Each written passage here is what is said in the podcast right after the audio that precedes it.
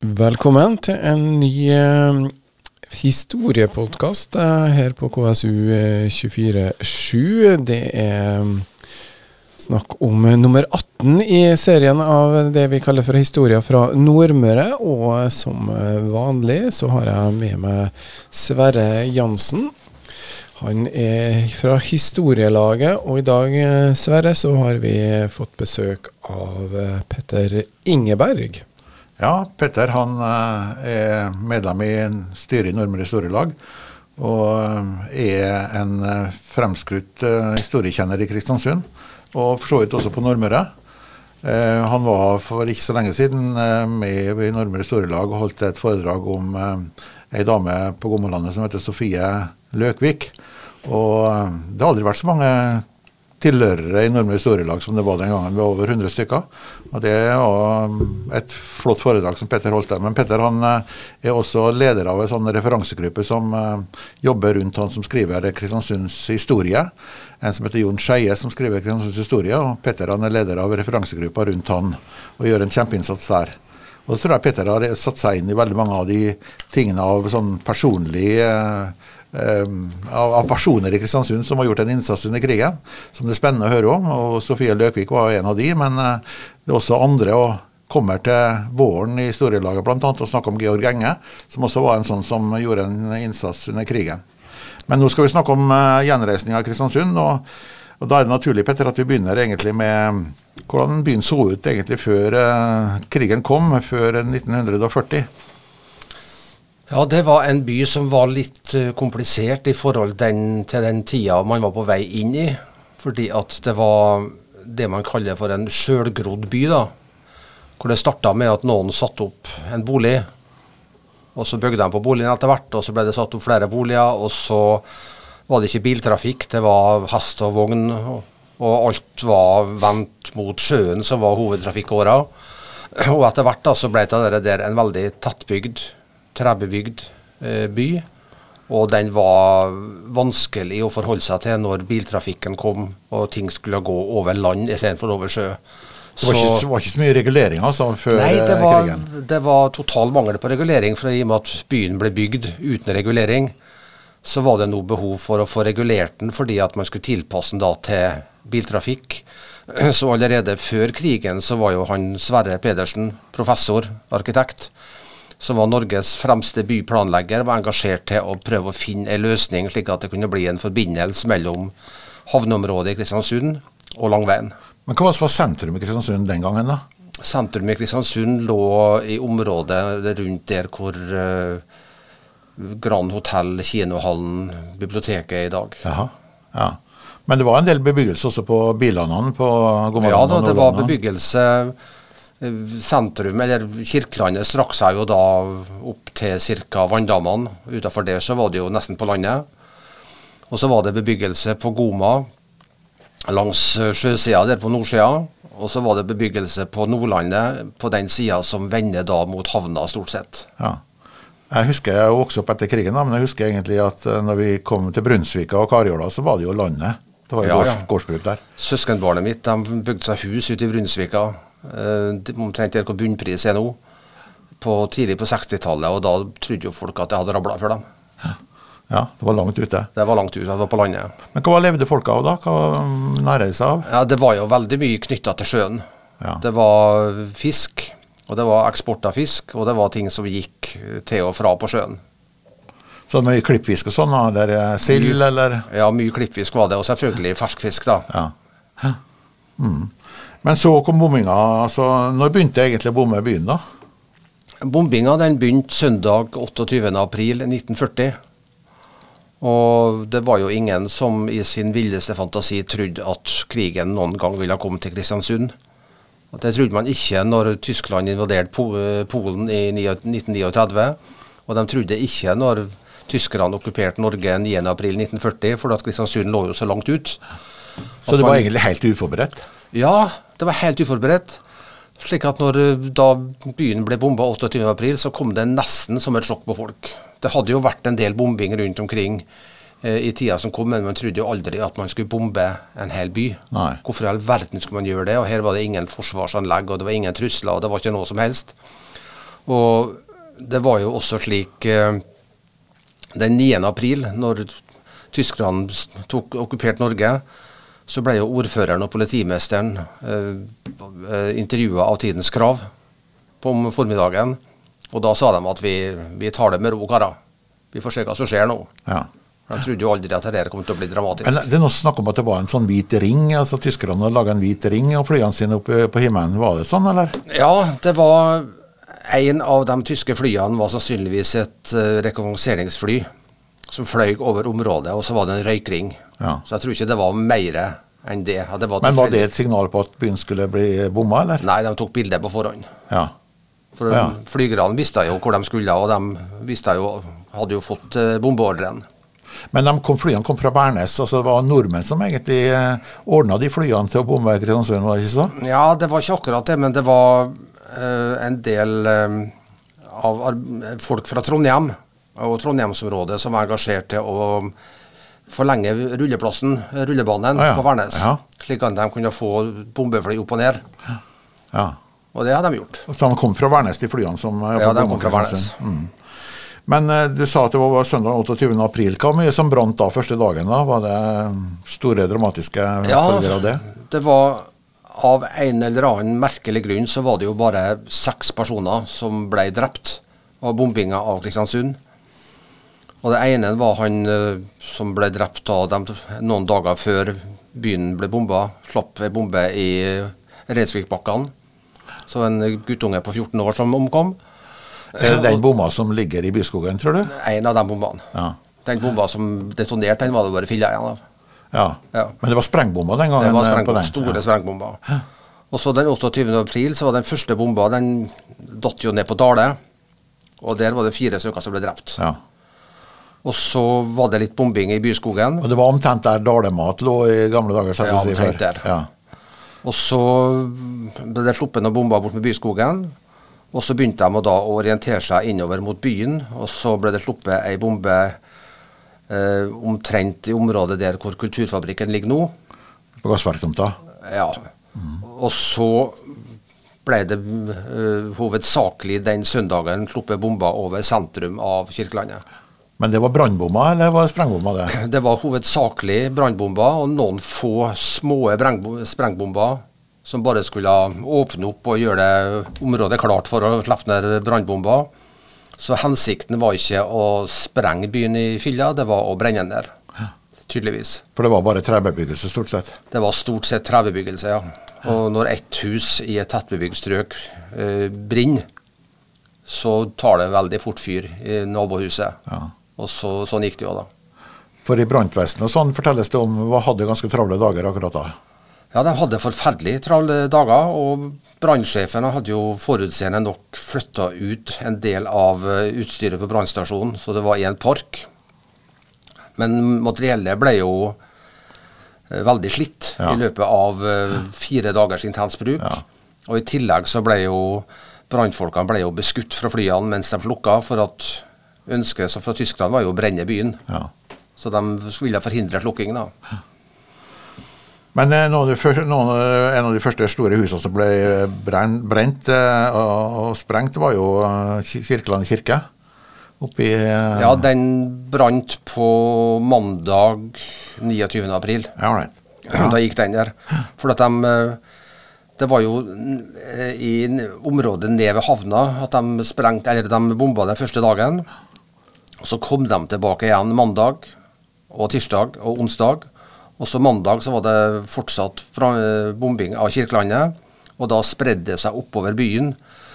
Og eh, mesteparten av sentrum fra kaia og omtrent opp til dagens kirke ble da tatt Ja. i løpet av de to dagene. Også For jeg har vokst opp eh, omtrent der dagens kirke står, og der forteller faren min en gang at han sto på taket og kasta ned brannbommer. Ja. De var ikke så store, disse brannbommene, skjønner jeg. Nei, de var på størrelse med en uh, enliters melkekartong. Ja. Så det gikk an å gjøre det sånn. Ja.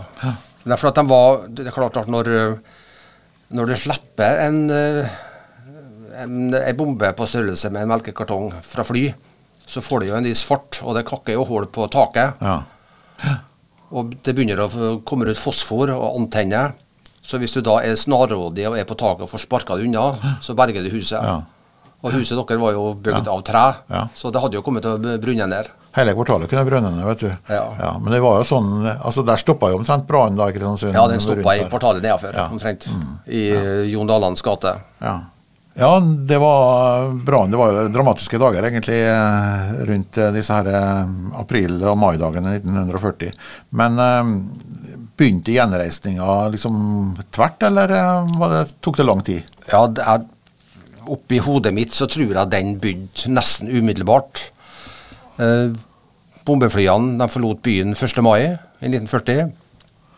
Og når da røyken la seg og folk, de få folkene som var igjen, eh, torde å gå ut, og folk begynte å komme tilbake igjen som måtte de sendt fra der de var evakuert, så var jo det første de tenkte på at vi skulle bygge det opp igjen. Og det var jo også et møte mellom ordføreren og hans nærmeste inn på midlertidig kommunesenteret som de oppretta inn på Øydegard 3. mai. Og da ble det jo beslutta og protokollert at byen skal gjenoppbygges. Jaha. Så da var, og Rosenborg-Posten de kom ut med sitt første nummer 10. mai, og da sto det der på førstesida at uh, gjenreisninga av byen starter allerede til høsten. Ja. Og da eh, engasjerte de ny arkitekt, da kanskje, for å Nei, de få er planer på- reengasjert av Sverre Ja. Pedersen. Ja, right. Så ordføreren og to stykker til de dro til Trondheim i mai i 1940. Og oppdraget var da å få reengasjert Hans Sverre Pedersen til å bygge en ny by. Og det passa jo veldig godt inn i det konseptet som har vært tidligere, for han hadde klødd seg litt i hodet i forhold til hvordan han skulle få regulert den gamle byen. Og nå hadde jo tyskerne gjort jobben, og han fikk jo et særdeles spennende oppdrag i dag Og nå skal du tegne en ny by. Og det må jo være alle arkitekters våte drøm, altså. Men eh, vi har eh, tegninger fra Pedersen sin eh, by. Ja, han Sverre Pedersen hadde jo tegninger av Kristiansund, så han kjente jo gatenettet. Han hadde jo alt liggende på kontoret sitt i Trondheim, for det som var her, var jo mye brent. Og så det han da tegna etter hvert i forhold til reguleringsforslag fra Kristiansund, det er tatt vare på, og det er arkivert. Men vi har andre arkitekter også. altså Arne Korsmo han ble også engasjert som arkitekt i Kristiansund. Ja, Arne Korsmo var jo en av landets fremste arkitekter, og er blitt i ettertid karakterisert som Norges fremste gjenreisningsarkitekt. Han ble engasjert til å få tegne det området som ligger oppi eh, Konsul Johnsens gate. Ja. Han skulle tegne det området, og så ble han eh, invitert til Kristiansund for å se på det. Og så ble han da så opptatt av den utfordrende jobben som var der, at han lot seg ansette da som byarkitekt. Og det her var jo nesten som flua i papir på arkitekter. Når du skal designe og tegne en hel by, så det er klart at det er et kjempespennende oppdrag for en arkitekt. Så det var mange fremtredende arkitekter som da søkte seg mot Kristiansund, og så var med på å tegne den nye byen. For der oppe i altså Johnsens gate og sånn, det ble jo ganske mye nytt da i forhold til det var før krigen. For det var mye bebyggelse der i parken og sånn. Ja, da, så alt ble nytt. eh, ja, alt ble nytt, ja. Alt ble nytt. Men eh, altså, hvis jeg tenker på byen som var helt nedbrent og sånn, eh, hvordan, eh, hvordan begynte da? Begynte de med forretninger, eller begynte de med bolighus, eller eh, hva gjorde du for noe? Det gikk eh, nesten hånd i hånd. Den første forretninga var Jonas Eriksen, Jaha. som kom opp allerede sommeren 1940 på kaia. Og de begynte jo å rydde ruinene enda mens det røyk av dem. Jaha. Og fikk tillatelse fra eh, bygningssjefen til å sette opp en midlertidig enetasjes brakke. Og så ble det etter hvert satt opp flere brakker bortover kaia. Og det ble også satt opp noen få boligbrakker, men ikke mange. Og tyskerne de eh, tillot eh, i svært begrensa grad at det ble bygd noen boliger eh, i utkanten av sentrum, men selve sentrumsrådet ville de ha rent. For det skulle være en klar skuddlinje.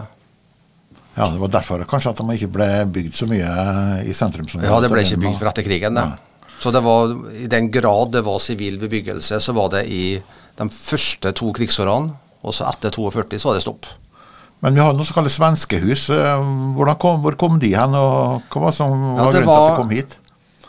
Sverige var jo så heldig at de, eh, de hadde jo eh, Norge, Sverige og Danmark hadde jo erklært seg som nøytral da krigen starta.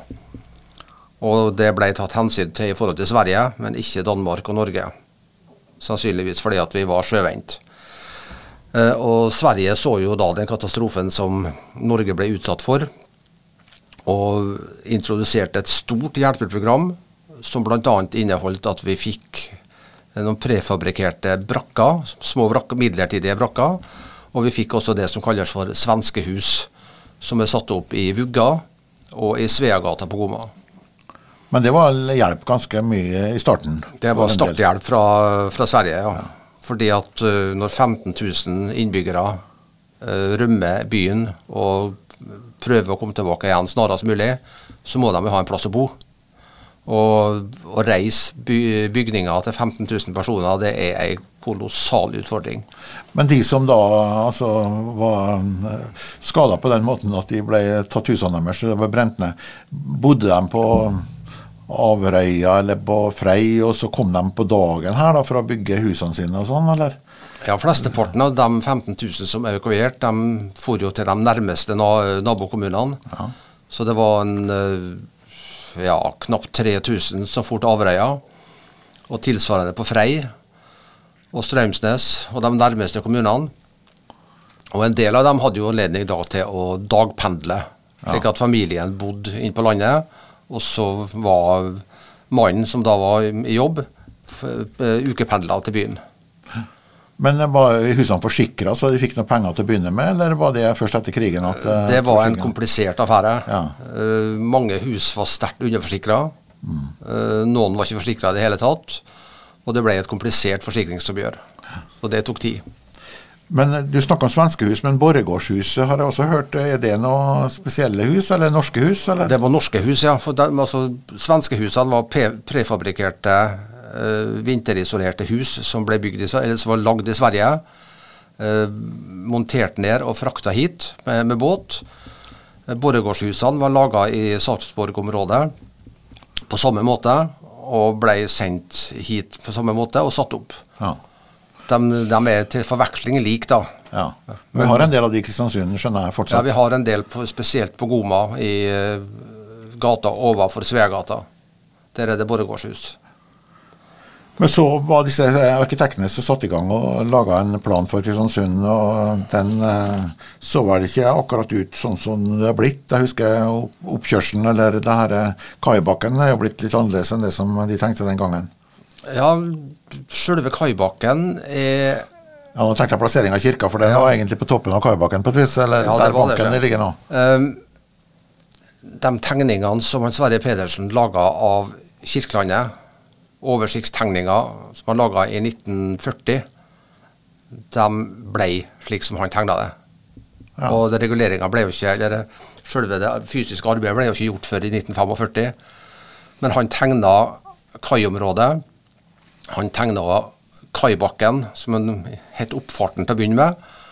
Og han tegna området rundt uh, Kongens plass uh, som en stor festplass. Og hadde i utgangspunktet tenkt at kirka skulle være en, i enden av kaibakken. da. Omtrent der hvor uh, Sparebank 1 holder til nå. Ja. Der skulle det være en stor kirke. Slik at du så den når du kom seila inn til Kristiansund, så så du kirka opp i enden av kaibakken. Mens han, Arne Korsmo han uh, var ikke helt enig og mente at kanskje uh, det området hvor dagens, eller tidligere tinghuset sto, kunne passe like godt. Og så, Jeg tror ikke disse to karene ble helt enige, men de var enige om at det skulle plasseres i det området Kongens plass. da. Men det var kanskje mye strid den gangen da, etter hvert om uh, hvordan folk skulle få igjen de tomtene som de, som de hadde før krigen. fordi det var ikke bare å gi dem de gamle tomtene. Det det måtte jo reguleres dette her på annet vis enn det var gjort før krigen? Ja, det måtte det. Og uh, i og med at byen var brent ned og ikke sprengt i filler, så var jo infrastrukturen var jo igjen. Slik at uh, mange av de gjenreisningsbyggene ble jo satt opp i forhold til eksisterende gateløp, men ikke nøyaktig uh, sånn som det var før, og kanskje ikke like stort så det var veldig mye uenighet mellom gårdeiere og bygningsmyndighetene i kommunen om hvor byggene skulle plasseres, og størrelsen av dem. Så den stridigheten den varte i mange, mange år. Hvis vi sier nå at uh, sentrum i Kristiansund er Kongens plass, uh, var sentrum nærmere Grand Hotel eller Grand Hotel? Står det omtrent på samme tomta som det gjorde før krigen? gjorde det ikke? Uh, ja, i hvert fall ganske nært. Ja. Uh, biblioteket, som tidligere var Norges Bank, ja. det står på samme tomta. Uh, banken er flytta lite grann, men det er i samme område. Så der var mer sentrum da? Litt lenger, mot, sentrum, ja. ja. litt lenger mot sør. Mm. Men så um, sier du at de var litt redd for at det var noen som sympatiserte med tyskerne, som kanskje hadde fordeler av gjenoppbygginga. Var det mye strid liksom, med gamle nazister eller sånt i forhold til gjenoppbygginga? Ja, det var, man tok en gjennomgang. for at altså, Byen var jo ferdig tegna og regulert under krigen. Så selv om det var byggestopp fra 1942, så fortsatte planlegginga. Slik at byen var jo ferdig på tegnebrettet i 1945. Og det var jo behandla også i bygningsrådet. Men så var det det at når eh, krigen var slutt, og norske myndigheter tok over, så måtte de kontrollere at det hadde gått rett for seg. Slik at det var ingen som var forfordelt. da, F.eks. Eh, NS-sympatisører som hadde fått mer enn det som de skulle ha. Så det ble tatt en gjennomgang, og det var med noen få unntak så hadde de gjort en bra jobb. Og det var to-tre plasser da at det ble gjort omregulering og endring på, på tegningene. Så det var ikke så veldig mye strid, egentlig? Ikke så mye åpen krangel om uh, boligtomter og sånn? Det var det nok, men uh, selve reguleringsplanene de, uh, gikk stort sett gjennom slik som de var planlagt under krigen. Så hvis du ser på byen nå i forhold til hva som tegningene eh, etter krigen eller eh, under krigen, er det omtrent blitt sånn som de ønska, disse arkitektene, eller? Ja, i gjenreisningsområdet så er det blitt sånn. Ja. Stemmer veldig godt med de tegningene som ble laga under krigen. Men da tror jeg vi fortsetter Petter, etter en liten pause om å snakke litt om hvordan eh, gjenreisningsbyen egentlig Altså hva som skjedde like etter krigen. Ja. Ja, Petter eh, Ingeberg, vi driver og snakker om gjenreisninga av Kristiansund etter krigen. og Det er en spennende historie. Og det jeg vet du ganske mye om, fordi at du har skrevet bøker om det. Du har skrevet fire bøker uh, som Kristiansund kommune har utgitt om gjenreisning av Kristiansund. Heter ene boka.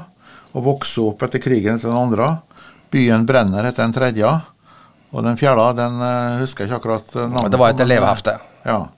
Men uh, de her bøkene her, det er egentlig til salgs nå også. Så hvis man henvender seg til Kristiansund kommune, så får man ja, du kan enten kjøpe dem på servicekontoret, eller du kan dra på ark på, kjøpe, på Storkaia og kjøpe det der. Uh, jeg har vært med og skrevet bøkene, jeg har ikke skrevet dem alene.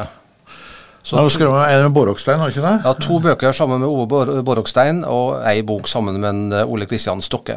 Ja.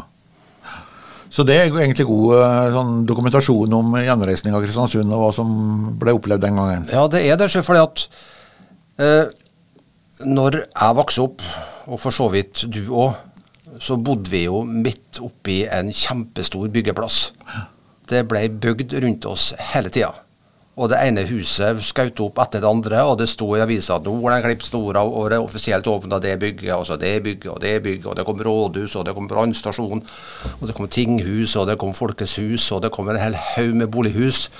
Og oppi der, der, der vokste vi opp og trodde det skulle være sånn. Eh, det var jo helt naturlig for oss, for vi, ikke, vi visste jo ikke noe annet. Men det vi ikke var klar over, var jo at vi sannsynligvis vokste opp i Norges mest moderne by. For alt var jo tilpassa den nye tid. Men det så ikke vi. Og eh, foreldregenerasjonen vår de var jo i mange, mange år veldig opptatt av byen som forsvant. Og jeg savner den gamle byen, og det var så koselig i gamle Kristiansund. Og så så de ikke verdien av den nye byen som var kommet. Og det satt de faktisk i flere tiår før man oppdaga at uh, Oi, dette her er jo ganske spesielt. Den nye byen som vokste opp i Kristiansund og ble bygd i perioden fra 1945 ca. og til ca. midt på 60-tallet, er jo ei perle i norsk arkitekturhistorie. Og så begynner man å få øynene opp for det der. Og så ble det nasjonal interesse for det. Riksantikvaren begynte å interessere seg for det, og karakteriserte Kristiansund som en av Norges mest spesielle gjenreisningsbyer. Og så kom det da på kartet. Og da kom vi inn i et samarbeid mellom Kirkenes og Steinkjer og eh, Kristiansund, som samarbeid om et prosjekt som gikk på å sette fokus på gjenreisninga av Norge. Og I den forbindelsen så ble det da skrevet tre bøker som jeg var så heldig å få være med på å skrive. da. Men det er jo kjempeviktig, da. For det Ja, kan jo brukes for dem som neste generasjon som vokser opp nå. Som Kjempeviktig. Og den ikke har hørt om så mye om det. Den første boka den kom jo i Skal vi se I 2009. Altså for tolv år siden. Ja. Og den selger fortsatt. Ja. ja, jeg skjønner godt det. Det er jo fine gaver også som kan eh, kjøpes til jul nå for å orientere neste generasjon om hvordan det var, og hvordan gjenreisninga skjedde. altså. Helt klart. Ja. Så det at vi har fått uh, satt et lite søkelys på gjenreisningsbyen og fått øynene opp for folk til å se det spesielle, det har kanskje hjulpet på at man også ønsker å ivareta det spesielle, da. Istedenfor at man skal rive og bygge nytt. Men hvis vi sier litt stort nå, så ble det altså like etter krigen, altså like etter brannen, så ble det begynt på en del sånne småhus, og bl.a. svenskehusene og ja. borgårdhusene. Ja, og noen vanlige bolighus i randsona. Ja, ble bygd til 42 ca. Ja. Og så hadde tyskerne nok med sitt eget, med å bygge bunkerser og eh, anlegg og sånn. Ja, det var ikke materialer til å drive sivil bygging. Nei, og Så sier du det at det kanskje var en politikk også, med å ha Kirkelandet ganske slett, slik at det var lett å skyte fra de bunkersene de hadde. Ja, det er klart. Altså, Ja. det her, Kristiansund var jo ei militær festning. Ja. Det var jo eh, militæranlegg nesten overalt. Og tyskerne hadde jo tenkt å være her en stund. Og da var det å ha ei fri siktlinje til å skyte på, det var viktig. Og derfor så var jo begrensninga Bygging i sentrum eksisterte stort sett ikke, bortsett fra, fra mindre brakker og Grand Hotell. Grand Hotell var unntaket.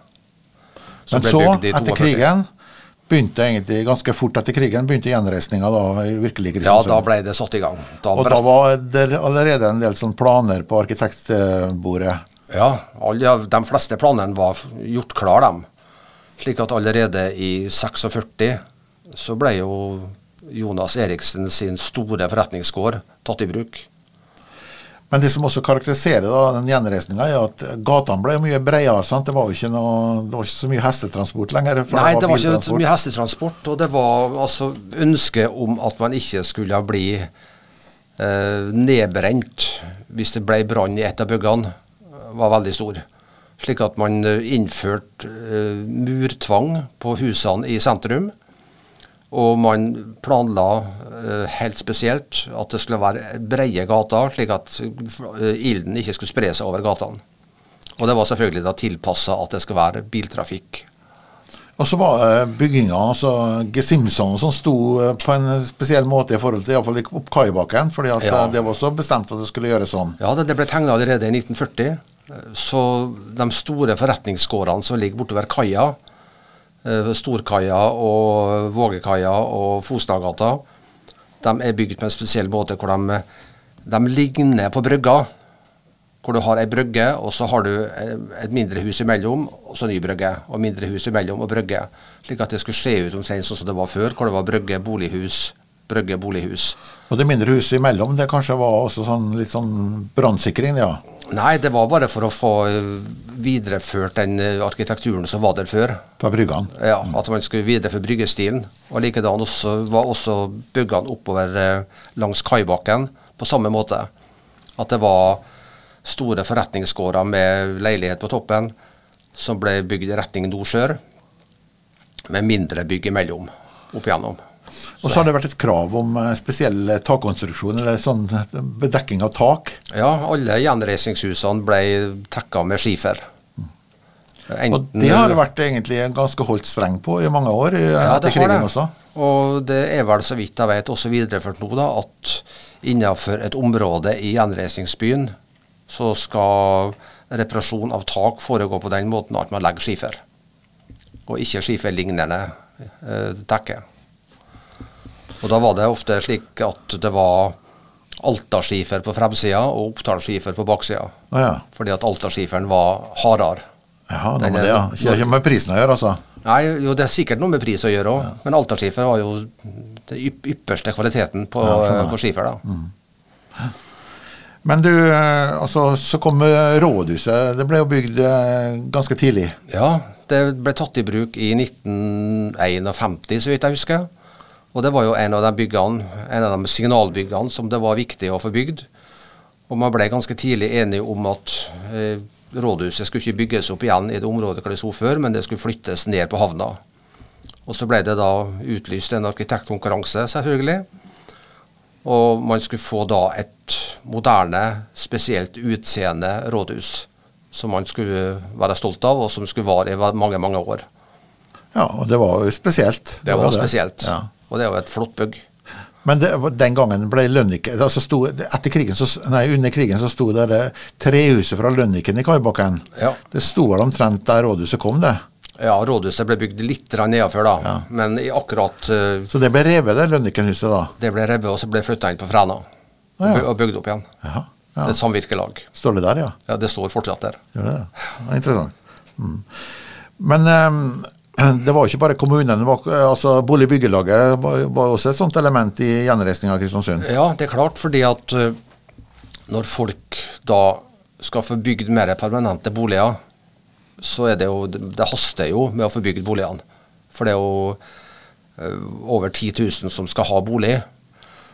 Og det var Det sto sånn ymse til med økonomien.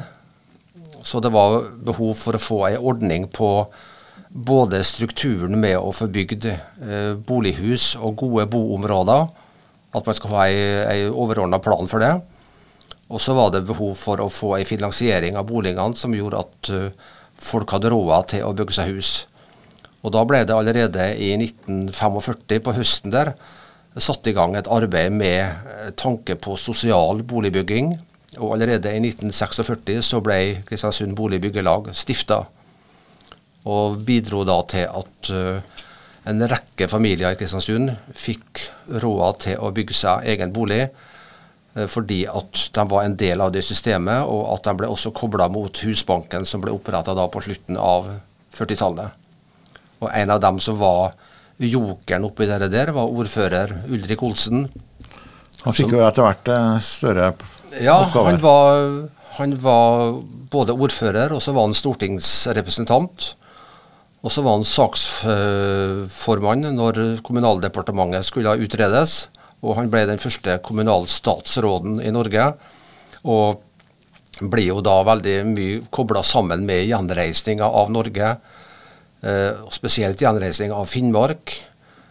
Han har til og med fått et gateland etter seg oppe i Vardø. Og ei statue i Tromsø. Og var den store i forhold til gjenreisning av Norge. Han har fått et navn her i Kristiansund også? Ja, han har et gatenavn i Kristiansund òg. Ja. Og det at eh, Sverre Pedersen hadde gjort mye arbeid her, gjort mye erfaringer her. At Norges fremste arkitekter eh, hadde tilhold i Kristiansund. Og at eh, han Ulrik Olsen også engasjerte seg i, i, sosial boligbygging og opprettelse av Husbanken, gjorde at det som skjedde i gjenreisningsbyen Kristiansund, hadde ringvirkninger for det som skjedde av gjenreisninga av Norge, faktisk. Mm. Så ble det modellby på vis? Ja, på mange måter så ble vi det. Ja. Og det er heller ikke ting som har vært satt noe særlig fokus på. Nei. Men vi snakka om rådhuset, som var egentlig en sånn kommunalt bygg. Men det ble en del andre kommunale bygg også som ble bygd ganske kjapt etterpå. Jeg tenker på skolen på Nordlandet bl.a. Ja, eh, Nordlandet barneskole eh, ble jo tatt i bruk i 1949 og var på den tida sikkert Norges mest moderne skolebygg. Så når det var store og viktige møter og konferanser i Kristiansund, så ble gjestene ofte tatt med på befaring på Nordlandet skole for å se hvor fin og moderne skole Kristiansund hadde bygd. De hadde til og med høyttaler i klasserommet. ja. Med mikrofon på rektors kontor. Ja. ja, det har skjedd forandringer etter brannen også, etter oppbyggingen også. Men vi fikk eh, nytt rådhus, som vi sa i sted. Vi eh, fikk eh, ny kino, nytt bibliotek fikk vi. Ja. Men eh, vi fikk også nye broer, iallfall ei. Ja, vi fikk ei ny bro, og den kom i 1963. Eh, hvor det da en lang og mange årstiders kamp fra Innlandet ble seira med hell ved at det da ble gjennomslag for at man skulle bygge ei bro fra Kirkelandet og over til Innlandet, slik at det ble mulig å kjøre til og fra Innlandet. Nordsjøbrua, som var bygd eh, sånn en del år før, da, i 36 Ja, den ble ja. åpna i 1936. Ja. Den forsøkte tyskerne å bomme ned, men det greide de ikke. Ja, Det var Omsundbrua. Ja, ja, Ja. Den også var jo ikke åpna, egentlig. Nei, Omsundbrua var helt ny når eh, Kristiansund ble bomba. Og ble tatt i bruk faktisk eh, 9.4.1940. Hvor ordføreren sa at nå er broa åpen. Hun var ikke offisielt åpna, men de åpna slik at man kunne, folk kunne dra dit, og det ble satt opp buss. Og hadde ikke Omsundbrua vært der når byen ble bomba 28.4, og flere tusen mennesker flykta den dagen og den natta, så ville det blitt en, eh, en flaskekork på, i Omsundet som ville vært uh, veldig traumatisk. For de kom seg over, da, i og med at uh, Han gikk over broa. Ja. Og flesteparten gikk jo. ja. De tok seg utover veien og gikk inn til Frei. Og noen ble jo værende på Frei, og noen for videre, da. Kirkeland kirke begynte å bygge i 61, tror jeg, der omkring i alle fall. Eh, Det var vel eh, altså Når sier vi slutten på gjenreisninga? Ja, altså Kirkelandet kirke var jo eh, kanskje det gjenreisningsbygget som offisielt avslutta eh, gjenreisningsperioden, sjøl om man ikke var helt ferdig. Og det var jo en lang dagsferd mot natt før Kirkelandet kirke ble vedtatt bygd der hvor hun nå står. For som jeg sa tidligere, den skulle bygges på Kongens plass, på to forskjellige tomter. Det var sterke krefter som ville at den skulle bygges i, eller gjenbygges oppå kirketomta. Og så da etter en lang kamp og flere omkamper, så ble det da vedtatt at den skulle bygges opp i roligheter. Og da, ved den offisielle åpninga i 1964, så ble det da sagt at nå er den offisielle gjenreisinga av Kristiansund ferdig. Men eh, før det så hadde man jo også bygd eh, altså Folkets hus, har vi ikke det? Og Tinghuset og Ja, Kongens plass og ja, ny brannstasjon og Ja. Tinghuset og Folkets hus og nytt sykehus og rådhuset.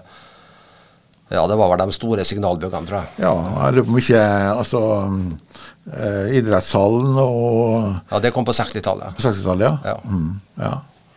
Nå skal man bygge et nytt eh, bygg nede i sentrum, et sånt eh, signalbygg skal jeg si, på, på Fokus.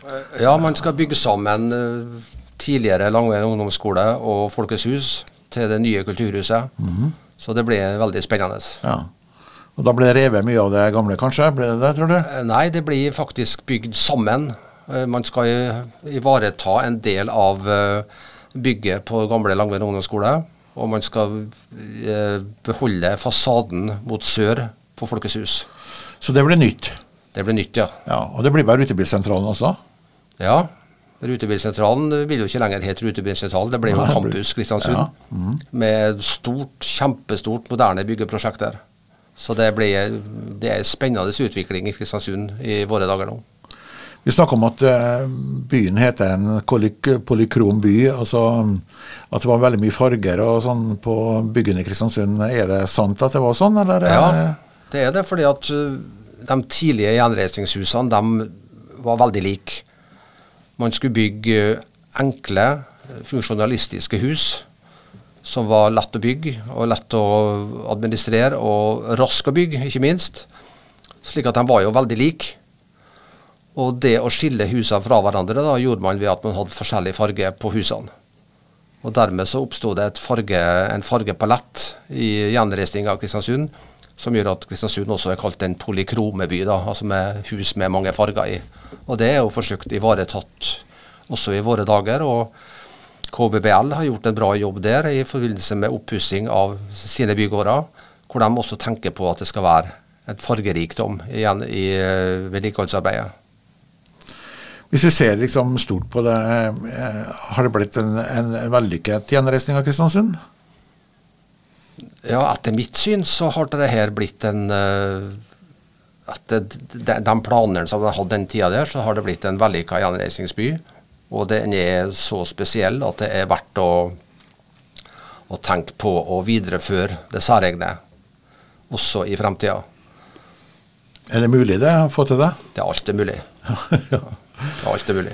Ja. Det handler jo om neste generasjon, og de som skal bestemme da, det som er planer for Kristiansund. Det er jo alltid utvikling. og Det er jo det å bevare gjenreis, eh, gjenreisningsbyen som Det er jo litt kamper om eh, det også. fordi arkitekturen er jo i seg sjøl spesiell, men så er det da i forhold til moderne krav til fortetting, nye prosjekter eh, vært, Er det kamper på det fortsatt, liksom? Eller Ja, det, det er det fortsatt kamper på. Det, du har uh, uh, uenighet mellom dem som ønsker å bygge nytt og funksjonelle bygg, kontra dem som ønsker å ivareta nåværende bebyggelse og heller gjøre tilpasninger som gjør at de kan fungere.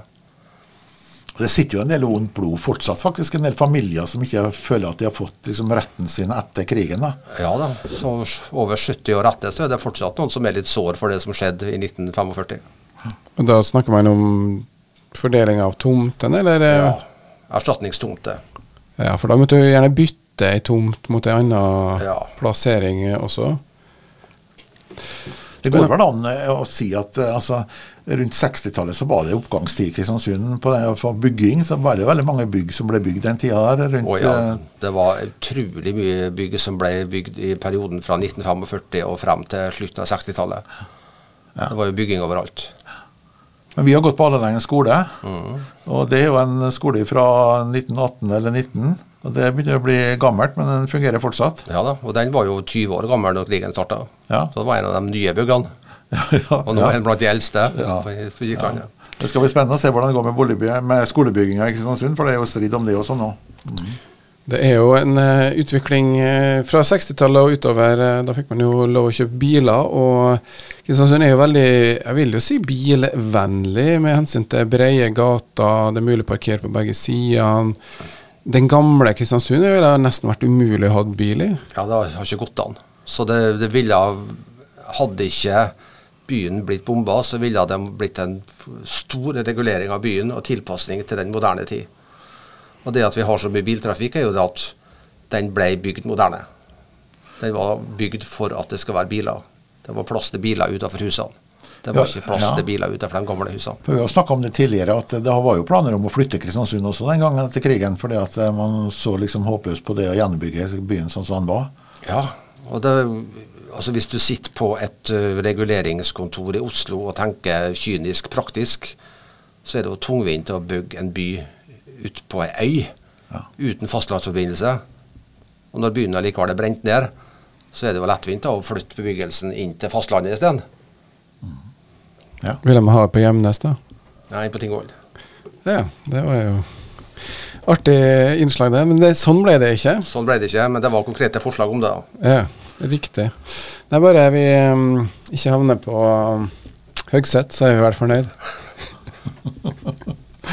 Neida. Vi eh, Veldig tusen takk til deg, um, Petter Ingeberg, for uh, å få denne uh, gjenreisningsbyen. Og dere som har hørt på oss fra starten, har kanskje um, også hørt uh, programmet om bombinga av Kristiansund. For dette var en del av Vi tok ikke så mye om det i dag, eh, men der er det bare å lese litt tilbake, så skal man eh, kunne finne den uh, podkasten. Den ligger i hvert fall ute på hjemmesiden til Nordmøre Historielag, hvor alle de programmene eh, blir lagt ut eh, fortløpende. Så der kan du finne frem eh, til noen andre av de 18 episodene som vi har laga her nå.